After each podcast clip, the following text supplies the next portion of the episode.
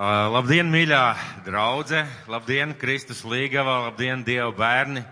Labdien, Dieva ģimenes cerība! Esiet sveicināti šajā, nu, jāsaka tā atkal skaistajā, baltajā ziemas dienā.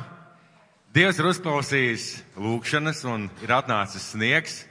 Daudz cilvēku noteikti gribēja sniegu, mēs esam bagāti ar to un tiešām Latvija ir viena īsta Dieva zeme. Mums ir ziema, mums ir vasara, mums ir pavasaris, mums ir rudens, mēs esam bagāti. Un eh, nezinu, kā jūs, bet vakar no rīta braucot uz šejienu uz draudzi, mēs skatījāmies šiem skaistiem piesnukušiem kokiem un es ar tādu patiesu nožēlu iedomājos Āfriku. Viņi nekad to neredz. Bet paldies Dievam, mēs varam redzēt, Dievs mums ir atklājis, Dievs mums ir parādījis, un pats galvenais, ka Dievs mūs ieliek šajā vietā. Bet viņam ir bijis mērķis. Ir labi priecāties par to, ka mēs esam brīnišķīgā valstī, lieliskā, skaistā zemē, pie Baltijas jūras, bet Dievam ir mērķis. Un viņam nav vispār tāds globāls mērķis.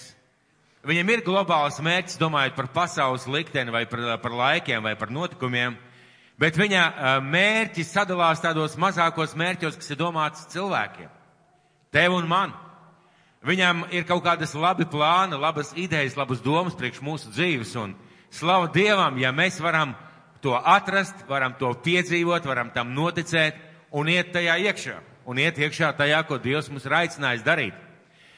Slavu Dievam, ka Dievs ir mācījis par to, ka mēs esam kā mazi bērni. Mēs uzreiz vienā dienā nevaram kļūt par galīgi garīgiem milžiem, mēs pamazām augam. Un neviens uzreiz nevienā vienā dienā nevar kļūt par uh, milzīgi spēcīgu Dievu vīru, ir jāaug, jāaug jāveidojas un jā, jādara tā, lai mēs pat pieaugtu. Pagājušā nedēļa mums bija tāda, uh, zināmā mērā, meklējuma cīņas, uh, lūkšana nedēļa. Un es gribu aicināt, ja kādam ir kāda laba liecība, ko Dievs ir darījis, ko Dievs ir pateicis, vai ko Dievs ir atklājis kādā konkrētā sfērā, droši nāciet lūdzu šeit priekšā, vai par draudz, vai par jūsu personīgo dzīvi, vai par kādām vajadzībām. Droši lūdzu nāciet šeit priekšā. Mums bija vakar labs laiks, mums mēs satikāmies, mēs kā draudz lūdzām kopā, bet bija arī liecības, un ja ir kāda liecība, ko varētu atkārtot šodien, tad droši nāciet. Lūdzu, lūdzu, mīļie. Labrīt, mīļā Dieva ģimene. Jā, tā kā Skārla teica, mums vakar bija brīnišķīgs laiks ar to kungu lūkšanās, un mēs jau liecinājām daudz, kas šeit esam, arī liecinājām par to, ko Dievs darīja pagājušā nedēļā, un patiesībā man, um, es jau pagājuši viedien izgāju draudz priekšā, un es teicu, ka tas jau nav šķērslis, jāizmakusi balsi, lai es liecinātu uh, un dotu un Dievam godu un, un pateiktos viņam par to, cik viņš ir labs, un kā jūs domājat, uh, uh, Svētdien naktī man bija milzīgi uzbrukumi, un pirmdien no rīta es nevarēju no gultas piecelties, un es domāju, ka es nomiršu. Bet, paldies Dievam, es šeit stāvu, un tā ir Dieva žēlastība. Un, ja tā mirklī man likās, ka sātans man cenšas nogāzt, tad, un es arī lūdzu ticībā, un uh, neatnāca šī dziedināšana, tad es vienalga teicu, labi, tad Dievs es izvēlos šo laiku, kuru tu man dod, jo Dievs jau pāri visam bieži vien, viņš jau zina, kas mums ir vajadzīgs. Es izvēlējos šo laiku, šo nedēļu es aizgāju pirmdien pie ģimenes ārsta. Es zvanīju, protams, darba devējai. Viņa teica, Ilona, tev jāiet pie doktoras, pie ģimenes ārsta. Un es aizgāju un atvēru šo slimības lapu. Un tad es pieņēmu šo, tā kā es sapratu, ka tas arī Dieva, Dieva roka pāri visam, ka tu šo laiku arī veltīji Dievam. Un es tiešām kā Mūzus, kas kāpa Sinaja kalnā, jā, pie Dieva, es arī šo laiku, šo nedēļu tuvojos Dievam. Un um, pirmo reizi savā dzīvē es gan biju mēģinājis, bet man kaut kā neiznāca, jo tik, tik līdz kā tu vēlējies, tā, protams, arī visādi šķēršļi un apstākļi, miesa, jā, un viss kaut kas, un nesanāca man tā, bet man ļoti patīk, kā mūsu mācītājs bieži vien saka, ka mums vajag, Dievs ir kārtības, Dievs ir mērķiecīgs, un viņš ir, viņš grib, lai mēs arī, nu, disciplinējam savu miesu, savu prātu, un cik, cik pareizi, ka mēs to uz lapas darām, jā, kad, kad arī, ka Mūzus kāpa kalnā, viņš, viņam bija šīs akmens plāksnes, jā, un Dievs viņam viņam lika rakstīt uz šīs akmens plāksnes, tos likumus un baušus, jau un es arī vienkārši, es, es izvēlējos tā darīt. Es jau patiesībā svētdien vakarā es apsēdos mājās, es paņēmu kladi, es pierakstīju visas šīs sfēras katru dienu, par ko es lūkšu. Un, uh, gribu pateikties, tiešām Dievs ir labs, labs, un viņš ir tikai viens lūkšanas attālumā. Viņš man daudz rādīja, viņš man daudz mācīja. Un, un, un, un bieži bija tādas lietas, kas man nepatika, bet es ieraudzīju šo patiesību, un Dievs ir teicis, ja tu atzīsi patiesību, ja, ja Dievs ir lielāks un gudrāks un varenāks, kas tu tāda esi, ka tu gribi tagad stāties, jā, un būt Dievu priekšā, un, nu, nepiekrist kaut kādām lietām, tāpēc Dievs ir labs, un es uh, saņēma no Dieva daudz šajā nedēļā. Viņš runāja konkrēti ar vārdu par dažādām kalpošanām un arī par draudu. Un arī man viņš teica, grib jūs stiprināt, kad Dievs teica no Jāņa atklāsmes grāmatas, turi to, kas tev ir, lai tava vānagu nenozog neviens. Mīļie, mums piedara, mums piedara Jēzus Kristus mums pieder visi brīnišķīgie Dieva apsolījumi, ka mēs to turētu svētu savā sirdī, ka mēs neļautu, lai sātans, lai apstākļi, lai miesa nozog to, kas mums ir Jēzus, mums ir visdārgākais, un ka mēs to dārgo pērli, kas mums ir, ka mēs viņu neapmainām ne pret kaut ko citu, ne, ne, ne pasauli, ne naudu, ne mantu, ne varu, ka mēs viņu pašu tādu ļoti iemīlētu. Tāpēc es jūs gribu arī stiprināt, ka, nu, arī pareizi tā ir. Es tā izlēmu, kad es uz papīra lapas uzrakstīšu, un es tuvojos, un, un Dievs man atbildēja uz daudzām, parādīja daudz lietas, kas ir, kur man pašai jāmaina, kas ir, kas ir jānožēlo, kas ir, nu, kā, jā, Dievs ir labs, viņš tikai viens lūkšanas attālumā. Cik vienkārši gāja? Negāja vienkārši negāja vienkārši, kā jau teicu, bet uh, es gribu pateikt to, ka arī šeit, šodien, šeit izējot draudz priekšā, es uh, ap, nu, tā arī drosme, un ka tu ar to, ka tu iznāc daudz, daudz priekšā un liecini par to, cik Dievs ir labs, tad to vienkārši pasaki sātanam, ka tu esi zem manām kājām, kad, uh, protams, ka es gribu jūs iedrošināt, jūs nāksiet un liecināsiet, un būs uzbrukumi, būs pārbaudījumi, bet Dievs ir pāri visam. Viņš ir pāri visam, un nebija viegli, bet, bet Dievs ir mūsu pusē, viņš ir ar mums, un viņš teica savā vārdā, ja Dievs ir ar mums, tad kas var būt pret mums? Jā. Jā, es esmu ļoti, ļoti gandarīta. Es gribēju, gār, gāju šo mērķi, un es teicu, Dievs, es gribu šī nedēļā izlausties. Es gribu, es gribu, lai tu man esi pirmā vietā. Es gribu, lai tās manas attiecības ar tevi stabilas, sakārtotas, mērķiecīgas, ja? jo viņas bija pavirši, viņas bija sēklas, un Dievs jau patiesībā zina, kāda radījuma mēs esam. Un man bieži vien arī bija šī attaisnojuma. Dievs, tu redzi, darbs, tas, tas, tas, bet Dievam nav vajadzīgs tās kalpošanas, tie darbi, viņam vajadzīgi manas sirds, ja, lai es vairāk pie viņa kājām sēdētu. Esmu ļoti, ļoti pateicīga pateicīga Dievam par šo iespēju, ka es varēju palikt mājās, un lai man no sākuma likās, ka ir grūti un es miršu, bet Dievs bija pāri visam, viņš tās, nu, viņš, viņš caur to visu vērsa uz labu, un tas bija man par labu. Tā kā. Paldies Dievam, Ilona, tu esi dzīva. Paldies Dievam. Lūdzu, vēl kādu liecību. Un ar šīm liecībām ieklausties šajos vārdos, jo es jau teicu, ir nākošā nedēļa, ka jums neizdevās šajā nedēļā, domājiet par nākošo nedēļu. Un arī nākošajā gadā būs tieši tāds pats aicinājums. Un gudrs ir tas, kas izvēlās šīs lietas darīt. Varbūt vēl kāda liecība. Droši, droši var visi neiedomāja, ko liecību. Ja jūs redzējāt, es, piemēram, šajā rītā redzēju filmu Trīs siventiņi, multfilmu. Neticēsiet, bet es viņu redzēju ar savām acīm. Es neskatījos televizoru, neskatījos internetā, vienkārši man gar acīm nogāja. Tas tas, par ko es sludināšu. Varbūt vēl kāds, kurš gribētu liecināt kaut ko. Ja nav neviena drosmīgā, vai nav neviena, kuram Dievs kaut ko pateicis, es ticu, ka ir. Es ticu, ka ir. Un es, ja kāds to šajā nedēļā neizdarīja, tad e, atcerieties, ka nākušā nedēļa ir tieši tāda pat nedēļa kā pagājušā. Šajā nedēļā mēs gan kā, kā draudz kopā to darījām un visi bijām aicināti, bet uh, nākošā nedēļa ir tāda nedēļa, ka tu personīgi var nodalīties, personīgi var saņemties, personīgi var veltīt kādas dienas un, un izdarīt to, ko Dievs mūs ir aicinājis darīt. Un tas ir Dieva vārds. Tas tiešām ir Dieva vārds, tas ir evaņģēlijs, pēc kura mēs esam aicināti dzīvot. Un uh, es gribētu dalīties ar vārdu, no kā būvēsi savu namu. No kā būvēsi savu namu. Un tagad es gribētu pajautāt kādu lietu, vai jūs varētu paņemt savas bībeles? Telefonus, bībeles, droši paņemiet telefonus, bībeles, atveriet savus bībeles, un uh, jūs varat droši atvērt Pirmajā vēstulē korintiešiem trešā nodaļa sākot no 9. panta. Atveriet savus bībeles, atveriet uh, telefonus, ja kāds tagad lieto modernas tehnoloģijas. Šī pagājušā nedēļa bija nedēļa ar nosaukumu Tad lūdzams liec man zināt tavu ceļu. Un patiesībā tā ir pirmā korintiešu vēstule, trešā nodaļa, sākot ar 9. pantu būs. Un šī pagājušā nedēļas nosaukums bija, kā es jau teicu, tad lūdzams liec man zināt tavu ceļu. Un īstenībā, man liekas, ka tā ir viena no divbīgākajām lūkšanām, ko vien ticīgs cilvēks var lūgt. Lūdzu, Dievs, atklāj man savu ceļu. Atklāj man savu ceļu, lai es staigāju pa taviem ceļiem. Kā tālāk Mosika, lai varētu atrast žēlastību tavās acīs un lai varētu tevi pazīt. Mīļie, Dievs ir reāla garīga personība. Tas nav likums, tas nav burts, tas nav vispārējais garīgs spēks. Dievs ir reāla garīga personība ar gribu, ar emocijām, ar prātu, ar vēlmēm.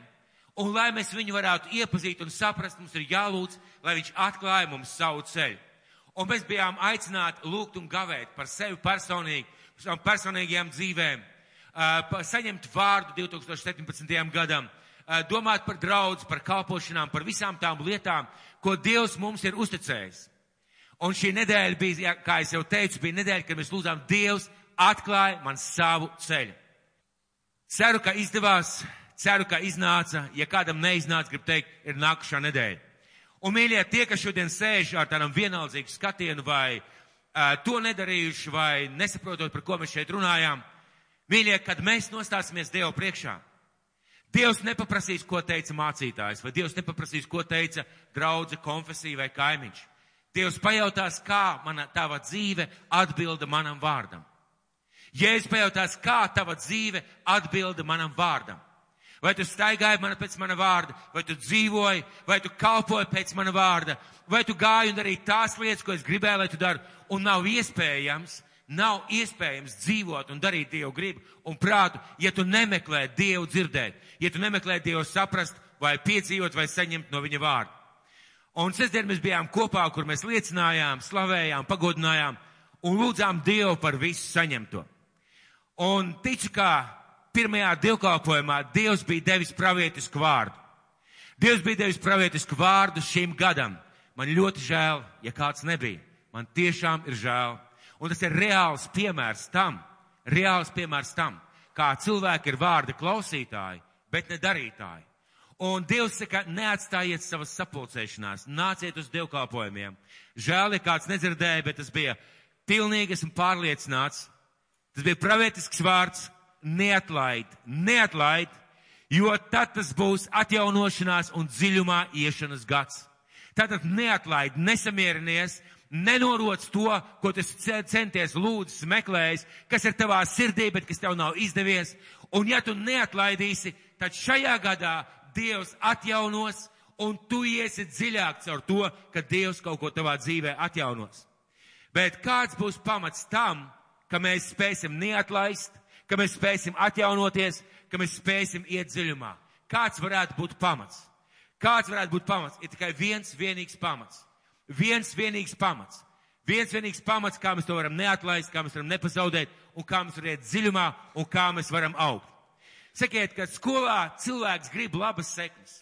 Daži no mums šeit ir studenti. Viņi grib labas sekmes skolā. Viņi grib, lai viņiem labas atzīmes. Liena māja ir galva, viņi negrib. Uh, viņa grib, lai ir labas atzīmes, lai veiksmīgi izdodas eksāmenos, lai labi sakārtojās, lai ir rezultāts pēc tām mācībām. Man ar dziļu nožēlu ir jādomā par tiem cilvēkiem, kas beidz mācīties un neko nav iemācījušies. Bet tātad, ja tu gribi, lai tev ir labas sekmes skolā, kāds ir vienīgais pamats, lai tev būtu labas sekmes un labas zināšanas? Nelīdz iPhones, pēdējais, nezinu, kurš tagad ir cipars, jā, ja? ar kur tu vari palielināties klases biedriem Nelīdz, ka tētis tevi atved uz skolu ar biezu džipu. Nelīdz, ka tu esi pirmais puisis ciematā un tev ir skaista frizūra un tev ir septiņi auskari ausīs salikts. Nelīdz. Vienīgais pamats. Vienīgais pamats, kā būt labam skolniekam, kā piedzīvot izcilas sekmes un tiešām zināt un saprast vielu, ko tev māc, ir mācīšanās. Un tu tur vari raudāt, tu tur vari uh, bēdāties, tu tur vari skumt, tu tur vari darīt, ko tu gribi. Vienīgais pamats ir mācīšanās. Un tieši tāpat mūsu dzīvē un šajā nākamajā gadā ir jābūt kādam pamatam, uz kā mēs varam stāvēt, uz kura mēs varam būvēt un būvēt ar tiem materiāliem, kurus Dievs mums vēlās uh, iedot. Un tāpēc jautājums, kāds var būt pamats tam, ka šis gads būs tāds, kā tu pateici, Jāni? Kāds no zālē sēdošiem šobrīd noteikti var teikt, Jāni, kā tu zini, kāds būs mans gads? Nu, kā tu vari pateikt, ka šis gads būs atjaunošanās, dziļumā iešanas gads? Es to nevaru pateikt, kā tu to vari pateikt. Ir kāds pamats un ir Dieva vārds. Ir pamats un ir Dieva vārds, kur Dievs saka, ja tu tā darīsi, tev tas viss sanāks un viss izveidosies. Un uh, esmu pilnīgi pārliecināts, ka ja mēs neatlaidīsim, Ja mēs nepadosimies tām lietām, kas grib nomirt, neatlaidīsim viņas. Ja mēs uz šī pamata būvēsim no Dieva materiāliem, mēs piedzīvosim, ka katrā dzīvē, šeit sēž daudz pietiekoši cilvēku, un katra dzīvē šis gads var būt atjaunošanās un dziļumā iešanas gads. Un zini, no kāds ir atkarīgs? No tevis. Pilnīgi un viennozīmīgi no tevis. Tas ir atkarīgs. Protams, pamats ir Dieva mīlestība, Dieva žēlastība, Dieva piedošana. Protams, ka tas ir atkarīgs no tā, ka Dievs ir visu varans, visu spējīgs, bet kas ir atkarīgs no manis? Kāpēc ir tā, ka viens cilvēks dzīvo, staigā ar Dievu, dzīvo svētībās un viens cilvēks nīkuļo? Kāpēc ir tā, ka viens cilvēks aug un iet uz priekšu, un viens cilvēks sēž pēdējā beņķī un sēž tā gadiem? Kur ir iemesls? Kāpēc viens cilvēks zaudē svētības, vienu pēc otras savā dzīvē, un cits piedzīvo un redz, ka svētības iet uz priekšu. Ir jābūt kādam pamatam. Un lūk, svētais gars runāja uz mani caur vārdu no Bībeles. Un pirmā vēstule korintiešiem, pirmā vēstule korintiešiem varbūt vēlreiz, trešā nodaļa no 9. līdz 15. pantam. Un lūk, es izlasīšu to, kas tur rakstīts. Jo mēs esam Dieva darba biedri. Jūs esat Dieva aramais tīrums, Dieva celt. Pēc Dieva dotās žēlastības es kā gudrs namdaris liku pamatu. Bet cits ceļ uz tā ēku, bet katrs lai pielūko, kā viņš to ceļ. Jo citu pamatu neviens nevar likt, kā to, kas jau ir likts, proti Jēzu Kristu. Bet ja kas ceļ uz šī pamata, bet ja kas ceļ uz šī pamata zeltu, sudrabu, dārgakmeņus, koku, sienu vai salmus, katra darbs tiks redzams, tiesas diena to atklās, jo tā parādīsies ar uguni. Un kāds, kur darbs ir, to uguns pārbaudīs. Ja kāda darbs, ko tas cēlis, pastāvēs, tas dabūs augu. Ja kāda darbs sadegs, tam būs jācieš, bet viņš pats tiks izglābts, bet tā kā caur uguni. Un šajā pantā, šajā bībeles vietā ir vairākas lietas, par kurām ir runāts, kur svētais gars parāda. Pirmām kārtām ir pamats. Ir pamats, uz kā jāceļ nams. Tad ir materiāli, no kuriem mēs ceļam šo namu. Tad ir vēl kāda lieta, ka katrs pats ceļ. Nevis mācītājs, nevis kaimiņš, nevis dievs, bet katrs pats ceļ. Tad ir uguns, kas pārbaudīs šo darbu, un ir rādīts, ka kāda darbs sadegs, jeb nepastāvēs, un kāda darbs pastāvēs, un tam cilvēkam būs alga. Un Pāvils saka, es liku pamatu. Es liku pamatu jūs ceļi. Bet, bet katrs lai pielūko, bet katrs lai pielūko, kā, bet kas, kas ceļ šī pamata zelta un sudraba dārgmeņus. Tātad, pēc dievdotās žēlas, tas ir gudrs namdars liku pamatu, bet cits ceļus tā ēku, bet katrs lai pielūko, kā viņš to ceļ. Katrs, lai pielūkoja, pareizi sakot, lai uzmanīgi seko tam, kā viņš ceļ. Lai uzmanīgi domā par to, kā viņš ceļ. Pāvils svēto garu Dievu nevar vainot par to, ja tavs nams ir uzcelts šķīvi. Ja tavs nams ir uzcelts ar materiāliem, kuri lietu kūst, vai vējā saplaisā, vai saulē izdeld. Dievu un svēto garu nevar vainot, ja tavs garīgais nams, ja tavs gads šajā gadā var izveidoties šķīps un līks, Dievs tur nav vainīgs, viņš ir devis materiālus, izvēle vienmēr ir mūsu. Un kas vainīgs? Esmu tikai es. Tikai es, ja mans nams šķobās.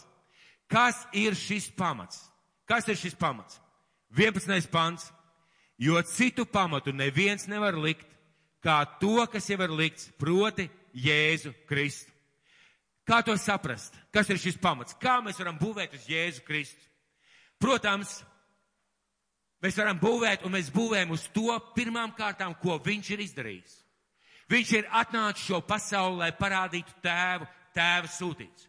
Viņš ir nomiris par mūsu grēkiem, cēlies augšā un piedevis mūsu grēkus. Jā, tas ir pamats, uz kā mēs varam celt. Tas tiešām ir pamatu pamats, uz kā mēs ceļam. Tālākā lieta, esmu noticējis viņam, ka viņš ir Dieva dēls. Esmu noticējis, ka viņš man ir piedevis esmu noticējis, ka viņš man ir nomazgājis un ka viņš man darījis par Dievu bērnu. Esmu piedzimis no augšienes un esmu lūdzis, lai Jēzus ienāk manā dzīvē. Esmu atdevis viņam savu dzīvi ar savām lūpām, ar savām domām. Esmu slēdzis derību ar viņu ūdens kristībā, kā Bībele to māca pagremdējotos, apzinātā vecumā. Esmu slēdzis šo derību. Es ticu viņam un es piedaru viņam. Es ticu viņam, bet piedaru viņam. Bet ticība Kristum ir jāsaprot, ka tas nav tikai tas, ko viņš kādreiz izdarīja.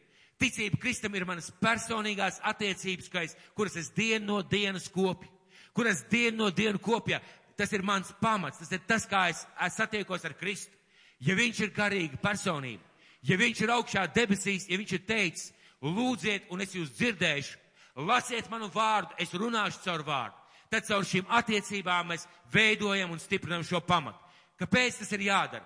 Jo šis pamats var aizslīdēt projām, ja es ikdienā nelasu un nepavadu laiku ar Dievu. Šis pamats var aizslīdēt projām un daudz cilvēku dzīvē ir tāda liecība.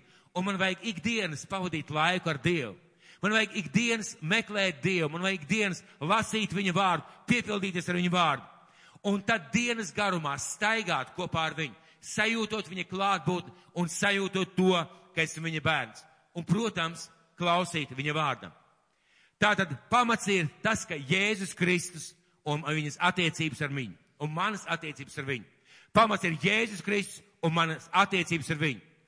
Un nav iespējams likt citu pamatu cilvēka dzīvē. Pāvils šeit ļoti skaidri saka, nav cita pamata. Nav iespējams ielikt citu pamatu cilvēka dzīvē. Cita vienkārši nav. Cilvēki daudz to vienkārši nezina. Daudz cilvēku to vienkārši nezina. Un ir viltus pamati. Un ziniet, kāda ir viltus pamati? Es pats visu spēju, es pats visu varu. Manas zināšanas, manas, mans iespējas, mans sabiedriskais stāvoklis, mana nauda, mana bagātība, manas spējas, mana talanti. Ir daudz citu pamatu, kurus cilvēki ieliek, bet agri vai vēlu visi šie pamati sabrūk. Ir tikai viens pamats, un uz tā arī mums ir jāceļ. Un mums ir jāceļ kas savas dzīves māja un šī gada māja. Savai dzīves mājai un šī gada mājai, kādus materiālus mēs gribētu lietot. Iedomājies, pagājis pusgads, pagājis pēdējā, pēdējais mēnesis, decembris, kādus materiālus tu būsi lietojis, jeb kādus tev vajadzētu lietot, lai tas, ko tu uzcēli un uzbūvēji šajā gadā, būtu stiprs, tu būtu svētīts, ka Dievs būtu atjaunojis un tu būtu gājis dziļumā. Un Bībele šeit mums saka, ir iespējami dažādi materiāli. Ir dažādi materiāli, Dievs to atklāja. Ir iespējami koks, siens un salma. Kur atrod koku, sienas un salmu? Ļoti vienkārši. Tepat virs zemes apkārt mētājās. Labi, tu varbūt nevari iet kaimiņa mežā cirst kokus.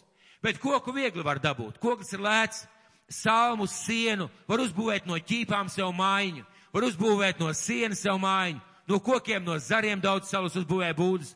Un nevajag tur, kāpēc tas ir tik, tik interesanti, tas ir ērti, tas ir ļoti lēti, tas ir ļoti viegli, uh, tas ir vienkārši kā tev patīk, tā tu būvē, nevajag daudz nopolēties, tas gandrīz neko nemaksā, vienkārši pastiep roku, paņem un būvē. Pastiep roku, paņem un būvē. Un ir vēl to trīs citi materiāli, kas vinēti. Tie ir zelts, tie ir zelts, sudrabs un dārgakmeņi. Seši materiāli, trīs degoši, trīs nedegoši. Un dārgakmeņi drusku nepareizs tā kā tulkojums, dārgi akmeņi. Īstais vārds ir dārgi akmeņi. Tātad marmors, tie dārgi akmeņi, kas sastopami celtniecībā. Un lai dārgus akmeņus, no dārgiem akmeņiem būvētu, kur tos atrod? Kur atrod zelta? Gāju pa ielu, atradu zelta gabaliņu, ja? Gāju pa, gā, gāju pa mežu, skatos stāv zelta kaudze, vai sudraba kaudze, vai akmeņu kaudze. Vai mēs tā varam teikt? Dārgi materiāli, šie dārgie materiāli, kas nedeg, pie viņiem vienmēr ir jāstrādā, viņi ir jāmeklē, ir dziļi jārok, lai no viņiem varētu būvēt un varētu tikt pie viņiem. Nav vienkārši no šiem akmeņiem uzbūvēt, cik viegli, kāds ir šeit laucinieks, cik viegli no sībā, ķīpām sakrāmēt mājiņu. Ļoti ātri, pareizi. Nu, varbūt desmit minūtes no ķīpām sakrāmēts mājas ir tāds dušīgāks, es ķīpu varu pacelt. No ruloniem var savelt. Var ielīst siena gubā, ziniet, tās veco laiku tās trīs stūra gubiņas tādas, jā, ja, ar, ar zārdiem. Var ielīst siena gubā, tev vispār nekas nav jādara. Tu ielīdi, hop, mana māja jau ir gatava, es te tagad dzīvošu. Tātad ļoti vienkārši. No dārgiem materiāliem ir jāmeklē, dziļi jārok, nav vienkārši uzbūvēt, tas ir daudz ilgāk un daudz grūtāk, daudz dārgāk, un tas vienmēr maksā. Un tas vienmēr maksā. Kāpēc ir svarīgi, no kādiem materiāliem mēs būvējam? Jo būs skaidri Bībelē teikts, ka būs uguns, kas nāks pār tavu dzīvi. Būs pārbaudījumi, kas nāks pār tavu dzīvi. Būs uguns, kas pārbaudīs to, ko tu esi uzbūvējis, un zini, uguns nāks no Dieva. Jā, varbūt, tas būs vēlns, kas to darīs fiziski, bet Dievs pieļaus, lai tiek pārbaudīta tava ticība un tas, ko tu esi uzbūvējis. Un parasti domājot par šo vietu, mēs runājam par pastaroties. Mēs domājam par to, ka pienāks diena, kad Dievs kaut kādā veidā skatīsies uz maniem darbiem, tad visi nepareizie darbi sadegs. Paldies Dievam, es tikšu izglābts. Jā, protams. Izglābšanu, jeb glābšanu, jeb pestīšanu tas neaizskars. Vienīgais, kas būs, tu nesaņemsi nekādu algu. Tu būsi kā pagali, kas izrauta no ugunskura. Bet šodien es gribētu runāt par to, kādus pamatus un kādu uh, materiālus mēs liekam, dzīvojot konkrēti šajā gadā. Dzīvojot konkrēti šajā gadā. Un kas ir šie vieglie materiāli? Mūsu pašu gudrība.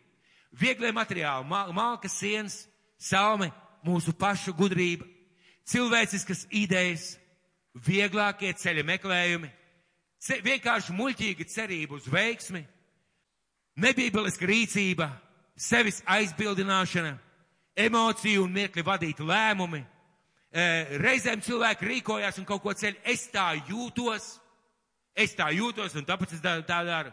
Reizēm ir apzināts lēmums neklausīt Dievam. Tas ir viegli, tas ir ātri un tas ir pie rokas. Viegli, ātri un tas ir, un mēs visi to mākam. Mēs visi to mākam. Mīļie, es gribētu tagad izstāstīt to pasaku par trīs seventiņiem. Vai kāds ir redzējis to multenīti, lasījis pasciņu bērnībā? Paceliet roku, lai man nav jātērē vēl laiks. Visi pareizi. Es neatceros viņu vārdu, zinu tikai, ka viens sauc snifs, snifs.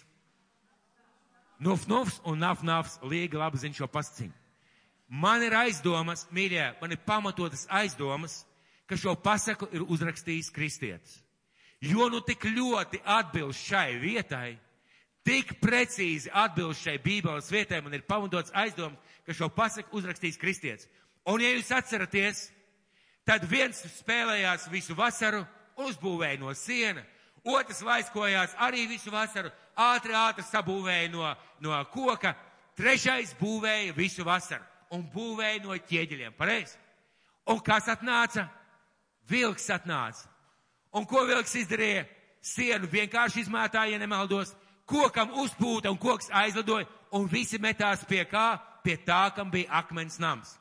Man žēl tālāk vilka, viņš iekrita tur eh, katlā verdošā, eh, par to tālāk nerunāsim, bet tik tālu ir ārkārtīgi bībeliski. Tad lūk, mīļie, ja mēs esam muļķi, mēs būvējam no tādiem materiāliem. Ja mēs esam niekalbi, mēs būvējam no tām lietām, kā es jūtos, kā man liekas, kāda mana situācija, no savas gudrības, ar savu ideju, ar savu saprašanu. Kas ir šie nopietnie materiāli, dārgie materiāli? Tie materiāli, kuri var izturēt uguni, tie materiāli, kuri nesabrūk vējā, nesadāk ugunī, tie materiāli, kas pastāv grūtībās un dažādos plūdos. Kas ir šie materiāli? Tas ir Dieva vārds. Tas ir Dieva vārds. Viss, kas darīts, balstoties uz Dieva vārdu. Viss, kas būvēts, balstoties uz to, kā un kāpēc Dievs teica darīt. Tas ir šie materiāli, kas nesadegs, kas nesagāzīsies. Rīkošanās pēc Dieva vārda. Kad mēs kaut ko darām, pat ja mēs fiziski kaut ko nebūvējam, mēs kaut ko darām, kaut ko veidojam, pareizi? Ja mēs sarunājamies ar cilvēku, mēs it kā māju neceļam, bet mēs ceļam attiecības. Ja es rīkojos pēc tā, kā es jūtos tajā mirklī, es varu izdarīt liels, liels bēdas. Bet ja es vados no tā, ka es mīlu šo cilvēku, ja es vados no tā, ka Dievs man mācīs, kā viņš teica, izturēties pret cilvēkiem, es nekad neizdarīšu tā, ka Dievs, ka Dieva uguns varētu sadzināt šos mūsu attiecības. Šīs attiecības parasti veidojās. Tad rīkošanās pēc Dieva vārda. Rīkoties pēc Dieva vārda, pēc Bībeles, katrā mūsu dzīves sfērā. Lūk, ko nozīmē celt ar šiem materiāliem. Jūs ziniet, var to vienkārši ignorēt. Es pats to kādreiz esmu darījis un reizēm gadās. Es zinu, ka daudziem no mums gadās mēs varam to vienkārši ignorēt. Bet ziniet, cik sāpīgi ir. Cik sāpīgi ir pēc tam piedzīvot zaudējumu, vilšanos vai neveiksmi. Un atcerēties, Jāni, tu taču zināji, kā ir pareizi. Jāni, tu taču zināji, kā ir svarīgi. Jāni, tu taču zināji, kas ir jādara. Man pašā ticības sākumā Dievs deva atklāsmi. Es nedalīšos par atklāsmi pilnībā, bet es viņu atceros vēl šodien un ļoti skaidri. Un es redzēju, kā virs zemes paceļās atombumbas sprādzienu sēne.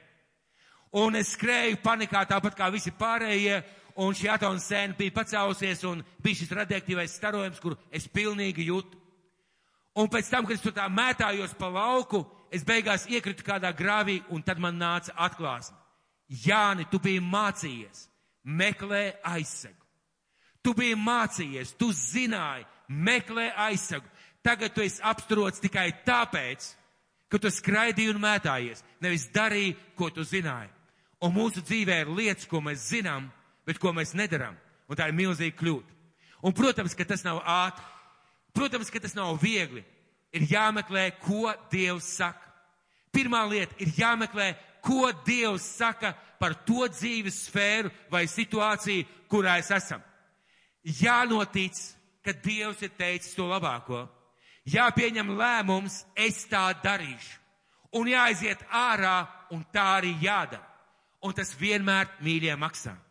Tas ļoti bieži iet pret mūsu tagadējo gribu, vēlmēm vai patiku bet tas vienmēr ir svētīts un vienmēr ir brīnišķīgā veidā nostāvošs.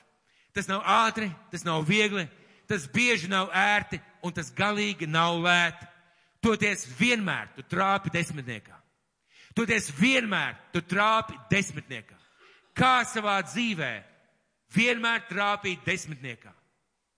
Vienmēr paklausi Dieva vārdam.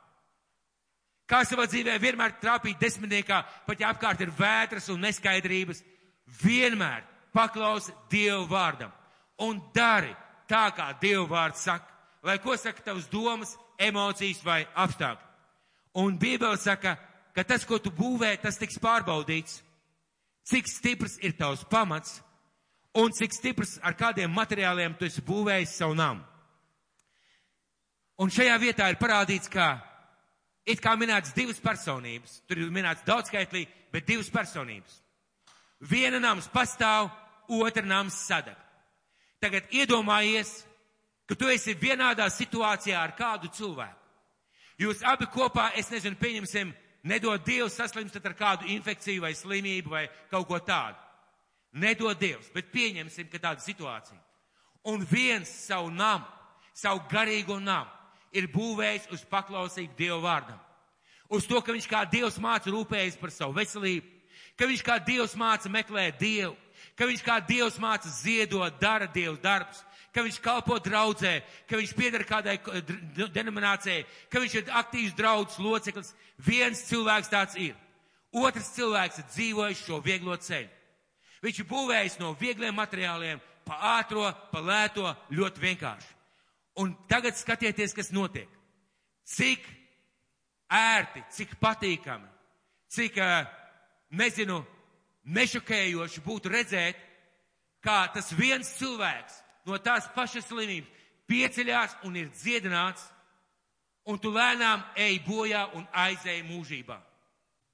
Tu lēnām ej bojā un aizēji mūžībā. Kas teiks, briesmīgs piemērs, bet es jums pateikšu, tā ir baigā taisnība. Šajā vietā Dievs saka, ka būs cilvēki, kuru nams pastāvēs. Nāks uguns, šis nams pastāvēs, un viņi saņems vēl algu. Bet būs cilvēki, kuru nams nepastāvēs, un viņi nesaņems algu. Viens iemesls - celts no nepareiziem materiāliem. Celts no nepareiziem materiāliem. Kā būvēt ar Dievu vārdu?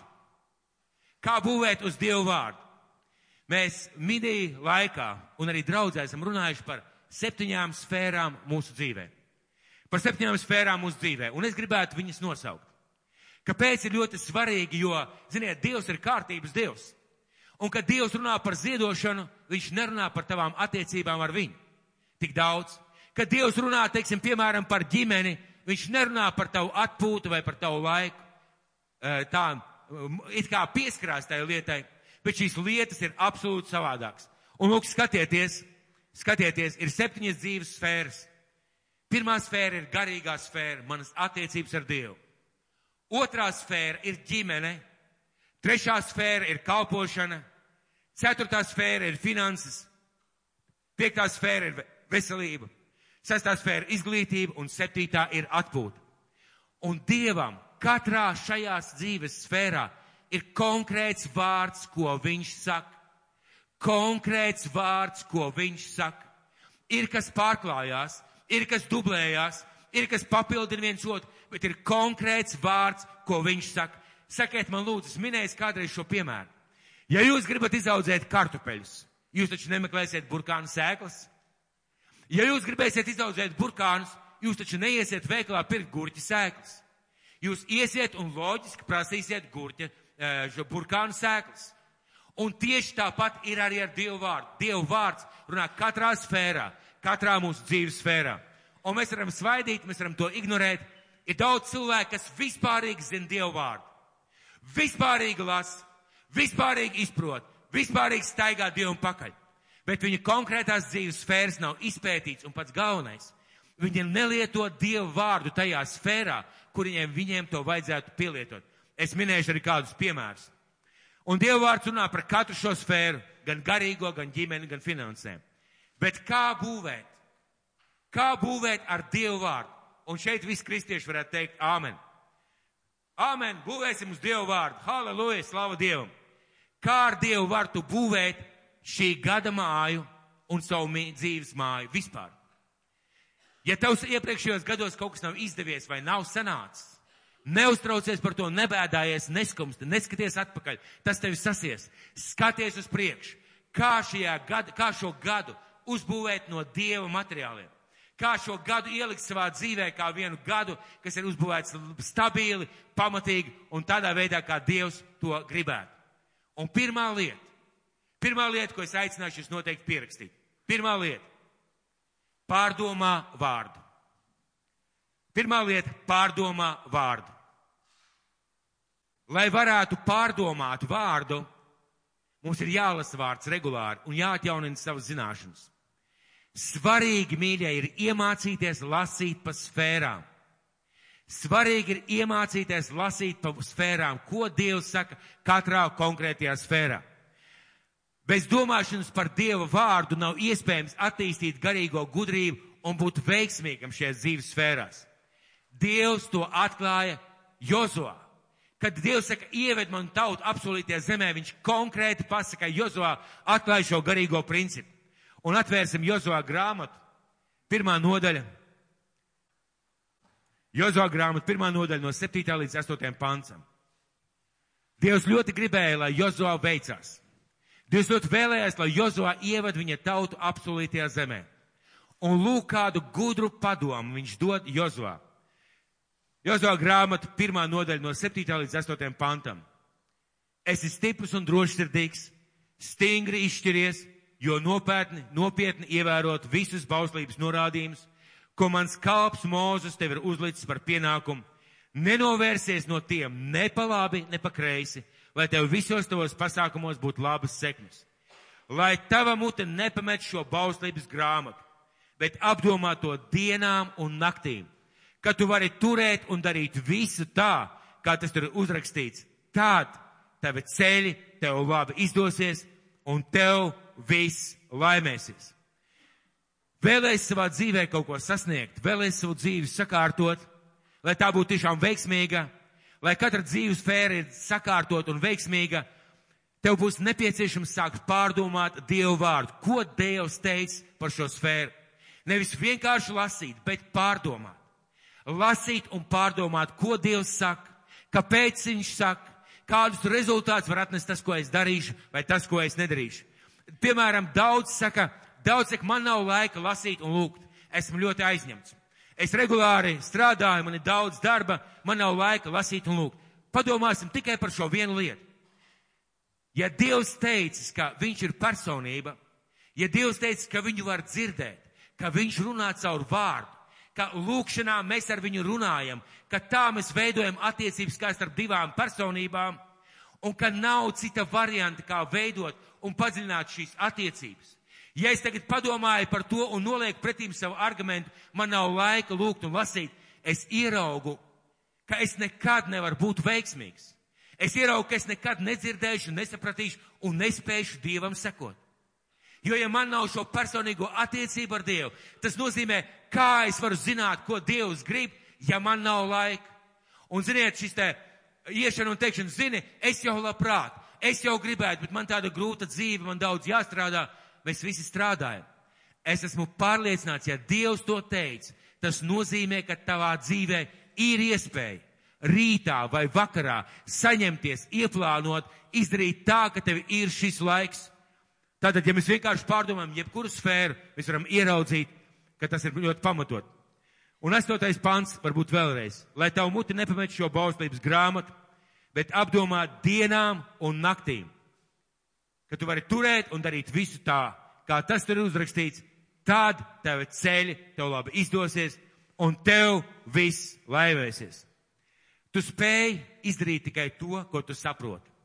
Ļoti bieži mēs izdarām tās lietas vai paklausam Dievam, mēs nesaprotam īsti, bet mēs izdarām, bet tas nav tā pa īstam un tas nav pamatots sakņots. Ziniet, tad, kad mēs kaut ko saprotam, kā tas ir domāts, kad mēs saprotam, kāpēc tādā veidā, tas visu maina. Mīļie, tas visu maina, piemēram, par vienu vārdu. Dievs lepnajiem stājās pretīm, bet pazemīgiem dod žēlastību. Un, kad tu sāc pārdomāt, ja Dievs, ja tu esi lepns, ja tu esi augstprātīgs, ja tu neuzņem padomus, ja tu neklausies, ko tev citi cilvēki saka, jo lepnība parasti parādās augstprātībā, ja tu domā par lietām, kas ir tikai svarīgas tev, nevis parāda pazemību savā dzīvē, tad tev ir jāsaprot. Tu ej un Dievs stāv tev pretī. Tu mēģini paiet malā, Dievs stāv tev pretī. Tu mēģini paiet uz otru pusi, Dievs stāv tev pretī. Tas nozīmē, ka mums ir jāpārdomā, un tad mēs saprotam, ja es parādu pazemību, ja manā raksturā ir tāda rakstura īpašība kā pazemība, tas nozīmē, ka Dievs man palīdzēs. Ka Dievs man palīdzēs, ja esmu lepns, Dievs man nostāsies pretī, un nekas man dzīvē neizdosies. Ziniet, tāda pirmā lieta pārdomā Dievu vārdu. Daudziem cilvēkiem par domāšanu maksā milzīgu naudu. Rakstnieki saņem milzīgus honorārus par savām grāmatām, bet kas tas ir? Viņa doma auglis. Viņi domāja, pierakstīja, un cilvēka maksā naudu. Filmas, kuras mēs ejam skatīties, tas ir cilvēka doma auglis. Cilvēki domāja, sapņoja, uh, fantazēja, pēc tam uztaisīja šo filmu, mēs ejam, maksājam lielu naudu. Kad mēs domājam un pārdomājam Dievu vārdu, mums šis vārds kļūst daudz skaidrāks un saprotamāks. Otrā lieta - praktizē Dieva vārdu. Otrā lieta - praktizē Dievu vārdu. Jēkab vēstule pirmā nodaļa no 22. līdz 25. pantam. Mēs daudz zinām šo vietu, esam lasījuši, bet izlasīsim vēlreiz un pārdomāsim. Bet esiet vārda darītāji, ne tikai klausītāji paši sevi maldinādam. Jo, ja kāds ir vārda klausītājs un nedarītājs, tas līdzinās vīram, kas savu miesīgu seju aplūko spogulī. Jo viņš sevi aplūko un aiziet un tūlīt aizmirst, kāds viņš bija. Bet kas ieskatīsies, tā tad runa ir par to, ka mēs pārdomājam, mēs zinām un mēs pārdomājam Dievu vārdu. Un paliks pilnīgajā svabadības likumā, tātad Dievu vārdā. Nebūdams aizmāršīgs klausītājs, bet darba darītājs, tas būs svētīgs savā darbībā. Tātad praktizē Dievu vārdu. Mums ir daudz runātāju par Dieva vārdu. Jūs varat atrast daudzās draudzēs, kur pateiks, es tev pateikšu Dievu vārdu, vai runāt, vai citēt, vai lietot Dievu vārdu. Daudz ir vārdu cilvēki, kas priecājās par Dievu vārdu, kas pateicās Dievam par Dievu vārdu, bet mums nav tik daudz Dieva vārda darītāju. Bet Bībele saka, esi Dieva vārda darītājs. Un uh, ikvienā situācijā dari to, ko Dieva vārds par to arī saka. un saprot, kas ir vienīgais pareizais veids un vienīgais pareizais materiāls, bet kas ieskatīsies un paliks pilnīgajā svabdības likumā, nebūdams aizmāršīgs klausītājs, bet darba darītājs, tas būs svētīgs savā darba, darbībā. Ņemsim piemēru, ņemsim kādu piemēru un izlasīsim no Bībeles. Vēstuli Filipiešiem, atšķiriet vēstuli Filipiešiem, 4. nodaļa, 6. pants. Vēstuli Filipiešiem, 4. nodaļa, 6. pants. Vai esat gatavi lasīt? 4. nodaļa, 6. pants. Skatieties savā Bībelē. Nezūdieties nemaz, bet jūsu lūgumu lēnāk zinām Dievu priekšā ar pateicību ikvienā pielūgšanā un lūgšanā. Nezūdieties nemaz, bet jūsu lūgumu lai nāk zinām Dievu priekšā ar pateicību ikvienā pielūgšanā un lūgšanā. Ko nozīmē vārds nezūdīties? Neuztraukties, nebēdāties, nesabēdāties, nesatraukties, nenoskaņot sevi, ka būs slikti, vienkārši nesatraukties, bet nākt pie Dieva ar savām vajadzībām. Mēs ļoti labprāt un regulāri daram otro lietu. Mēs nākam pie viņa ar savām vajadzībām, bet ja mēs nedarām pirmo daļu, mēs neesam vārda darītāji. Ja mēs nedarām pirmo daļu, mēs neesam vārda darītāji. Nebūs nekādas jēgas izteikt Dievam savus lūgumus, savas vajadzības, ja pirms tam tu zūdīsies, bēdāsies, sanervozēsies, satraumiesies, satrakosies. Kāda jēga nākt ar lūgumiem, Dievs tādiem lūgumiem neatbild. Jo šajā gadījumā runiet par Bībeli un Dieva vārdu. Un Dievs saka, esiet vārda darītāji. Un lūk, ko viņš ir pateicis. Pirms mēs nākam pie viņa, mums vajadzētu beigt satraukties, beigt uztraukties, beigt zūdīties, beigt bēdāties un ar paļāvību nākt pie viņa. Un tad tu esi vārda darītājs. Tad tu esi vārda darītājs un nebūs nekādas jēgas satraukties, bēdāties, saskumt, tad lūgt, un tava lūkšana ir pilnīgi izteikta neticībā, jo tavā dzīvē jau ir satraukšanās. Labi, tu palūdzi, un tu turpini nervozēt. Tu turpini zudīties, tu turpini uztraukties. Tas nozīmē, ka to, ko tu palūdzi, tu patiesībā nosvītro Dievu priekšā. Tu Dievam neusticies. Un es gribētu pastāstīt kādu sludinātāju stāstu. Es lasīju kādu sludinātāju stāstu, un viņš tiešām dziļi aizskāra. Un kāds sludinātājs atnāk, pie kāda sludinātāja atnāk kāds mācītājs. Un šis mācītājs saka tā, uh, uh, es lietošu vārdu sludinātājs un mācītājs. Sludinātāji, man ir dzīvē šausmīgas problēmas. Nepārtraukt. Man ir čupā kuņģis, man ir problēmas ar, ar, ar, ar iekšējiem orgāniem, man ir problēmas ar manu veselību, es nevaru gulēt, man ir daudz dažādu problēmu, man ģimenē īsti neiet. Sākās saruna, par ko iet runa.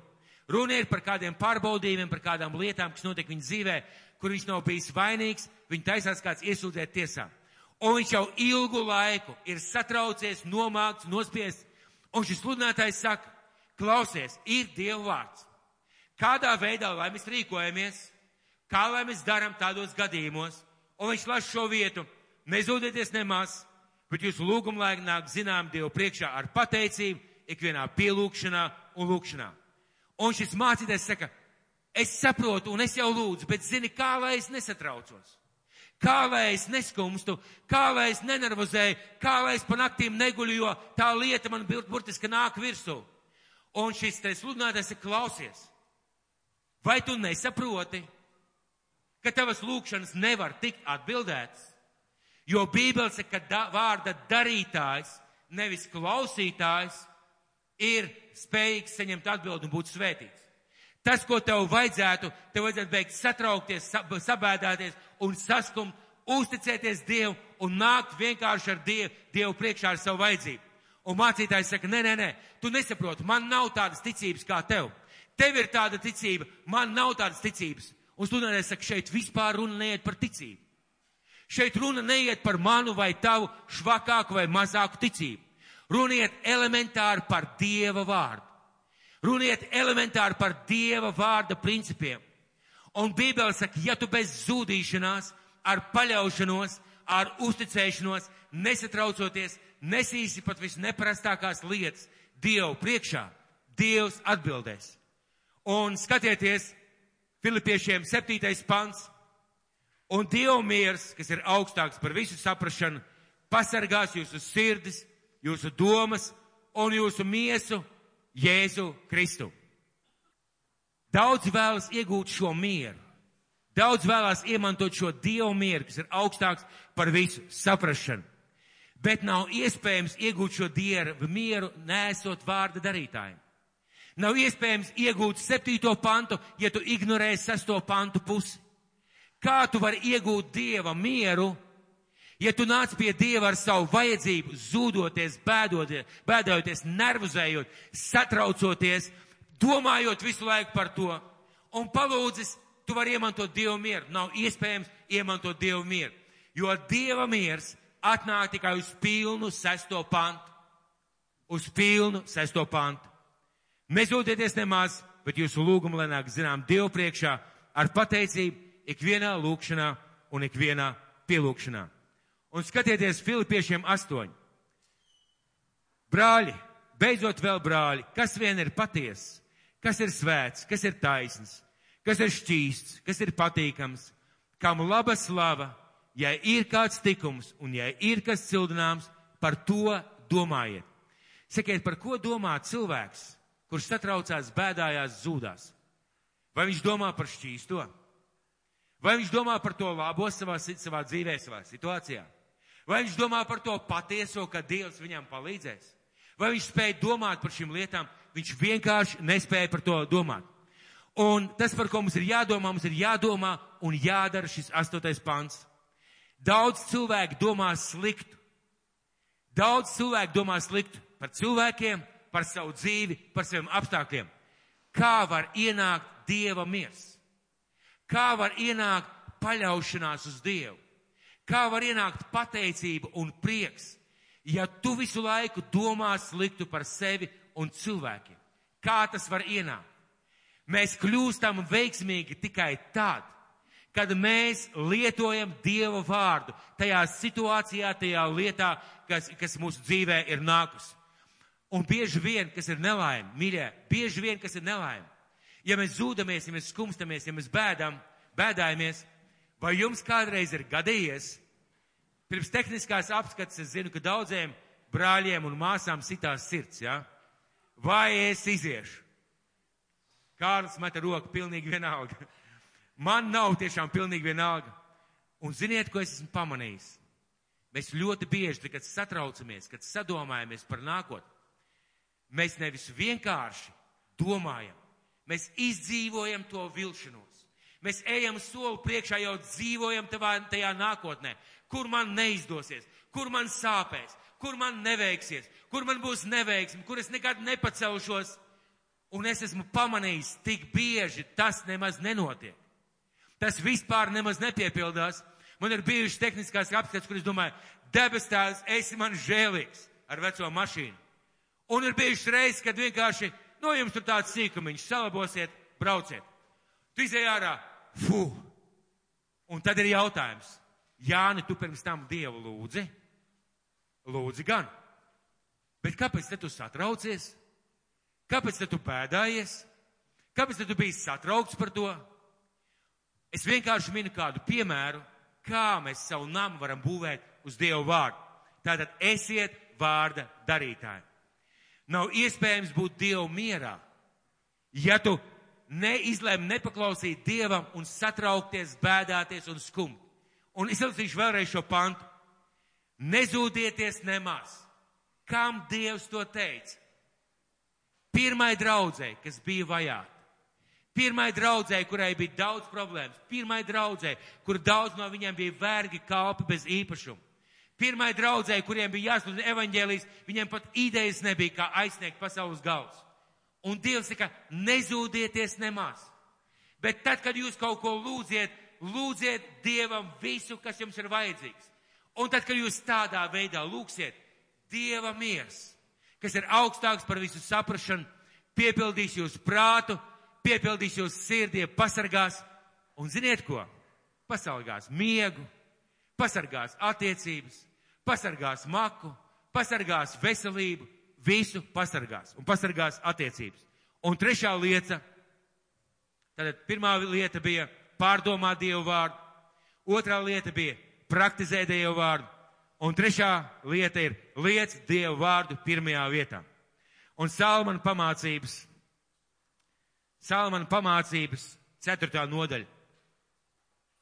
Salmana pamācības ceturtā nodaļa, 20. 22. pants. Salmana pamācības 4. nodaļa, 20. 22. pants. Mans dēls, ievēro manus vārdus, un lai tav auss noliec manai runai pretī. Lai tie neizslīd no tavas apziņas un redzes, aplok saglabā tos savā sirdī. Jo tie ir dzīvība tiem, kas tos atrod, un zāles visai viņu miesai, kas dziedina. Šeit ir vairākas lietas, ko Dievs saka. Kāpēc ieklausīties viņa vārdā? Dievs saka, ieklausies manā vārdā. Kāpēc ieklausīties viņa vārdā? Kāpēc neizlaist to no savām acīm? Tāpēc, ka tā ir dzīvība un zāles visai tavai miesai. Tas nozīmē, kad es ieklausos tajā, ko Dievs ir teicis par ģimeni, par finansēm, par veselību, par attiecībām, par kalpošanu, kad es ieklausos tajā, ko Dievs ir teicis Kad, ja es daru to, ko Dievs ir pateicis, tas ir zāles visai manai miesai un visai manai dzīvei. Tas ir materiāls, uz kā es noteikti un viennozīmīgi varu būvēt. Visai tavai miesai un visām tām lietām. Tas nozīmē, ka tad, kad man ir jāizšķirās, kam man paklausīt, jeb kā man rīkoties, un Dievs ievedīs tevi tādās situācijās, Dievs ievedīs tevi tādās situācijās, mīļie, Es vienmēr domāju par draugu. Un kāds varētu teikt, Jānis ir draudzes fans. Jā, Jānis ir draudzes fans. Tāpēc, ka Bībele māca viennozīmīgi par Kristus miesu, kur locekļi saticīgi gādā viens par otru, kur viņi ir kopā sadraudzībā saistīti ar garīgām saitēm. Un es tagad gribētu vērsties pie idejas, kas ļoti Latvijā iesakņojusies pie radio draudzes. Un daudz mācītāju to praktizē, realizē, sludina, slavē, brīnišķīgi radio draudz. Mīļie, kāpēc šie cilvēki raksta lūkšanu vajadzības? Kāpēc šie cilvēki zvana mācītājiem? Kāpēc šie cilvēki bieži vien nesaņem garīgu atbalstu, padomu un vajadzību viena iemesla dēļ? Viņi nav nevienā draudzē. Man pašam ir gadījies iziet ārā no kristīgā radio. Es kādreiz esmu stāstījis. Es izēju ārā, viens puisis stāv, ienāca kristīgajā radio, un tur skan radio un viņš ir dzirdējis to, ko es tur sludināju eh, vakar svētbrīdī. Viņš saka, mācītāji, palīdziet man. Man ir vajadzīga jūsu palīdzība. Man vajag trīs eiro, lai nonāktu mājās. Un viņš pastāsta savu stāstu. Un man, man viņam rodās jautājums, jaunais cilvēks, sakiet, jūs esat kādā draudzē? Nē, es neesmu nevienā draudzē. Es esmu garīgos meklējumos, un es tā īsti nevienu neatrodu, un es tāds garīgs ceļotājs, un es tāds garīgs pārdomātājs, un es tā garīgi ceļoju. Un ziniet, kas bija šausmīgi? Mācītāji reizēm, mācītājiem reizēm jāsaka skarbi vārdi.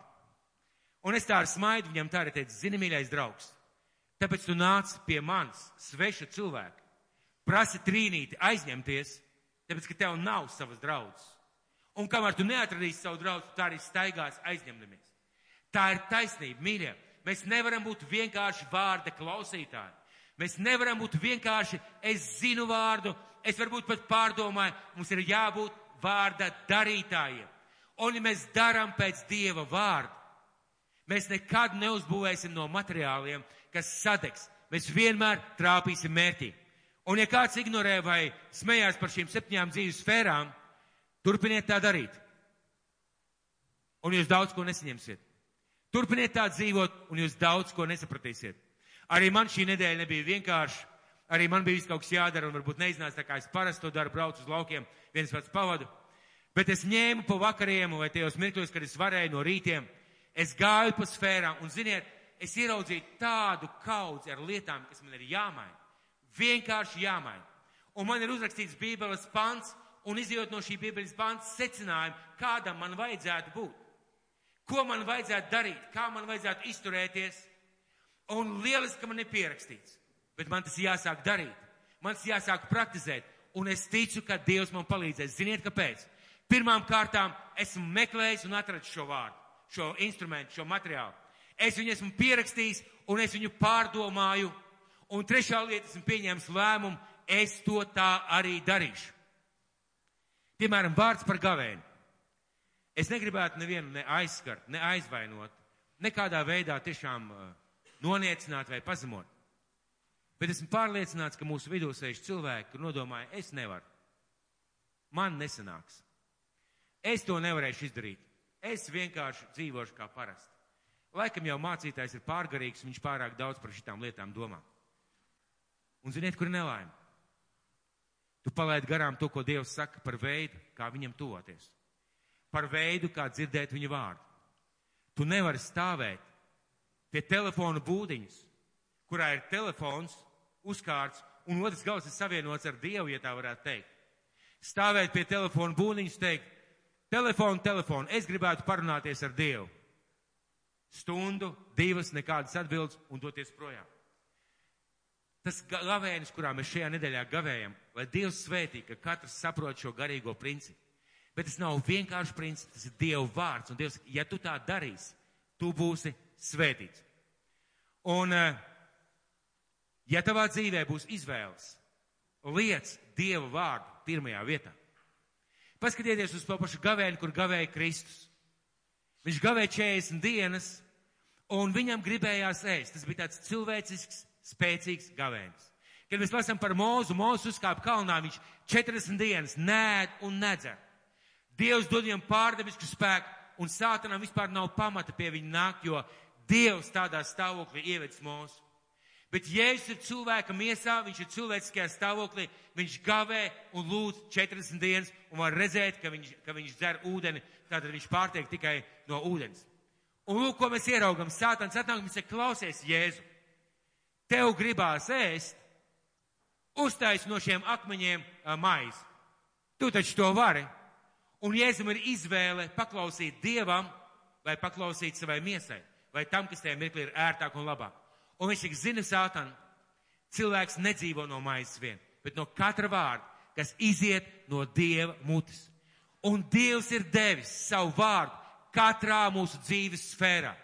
Par finansēm. Piemēram, mīļie, kā tavas finanses iespaidos tas, ka tu pavadīsi laiku lasīšanā un lūkšanā? Kā tas iespaidos tavas finanses?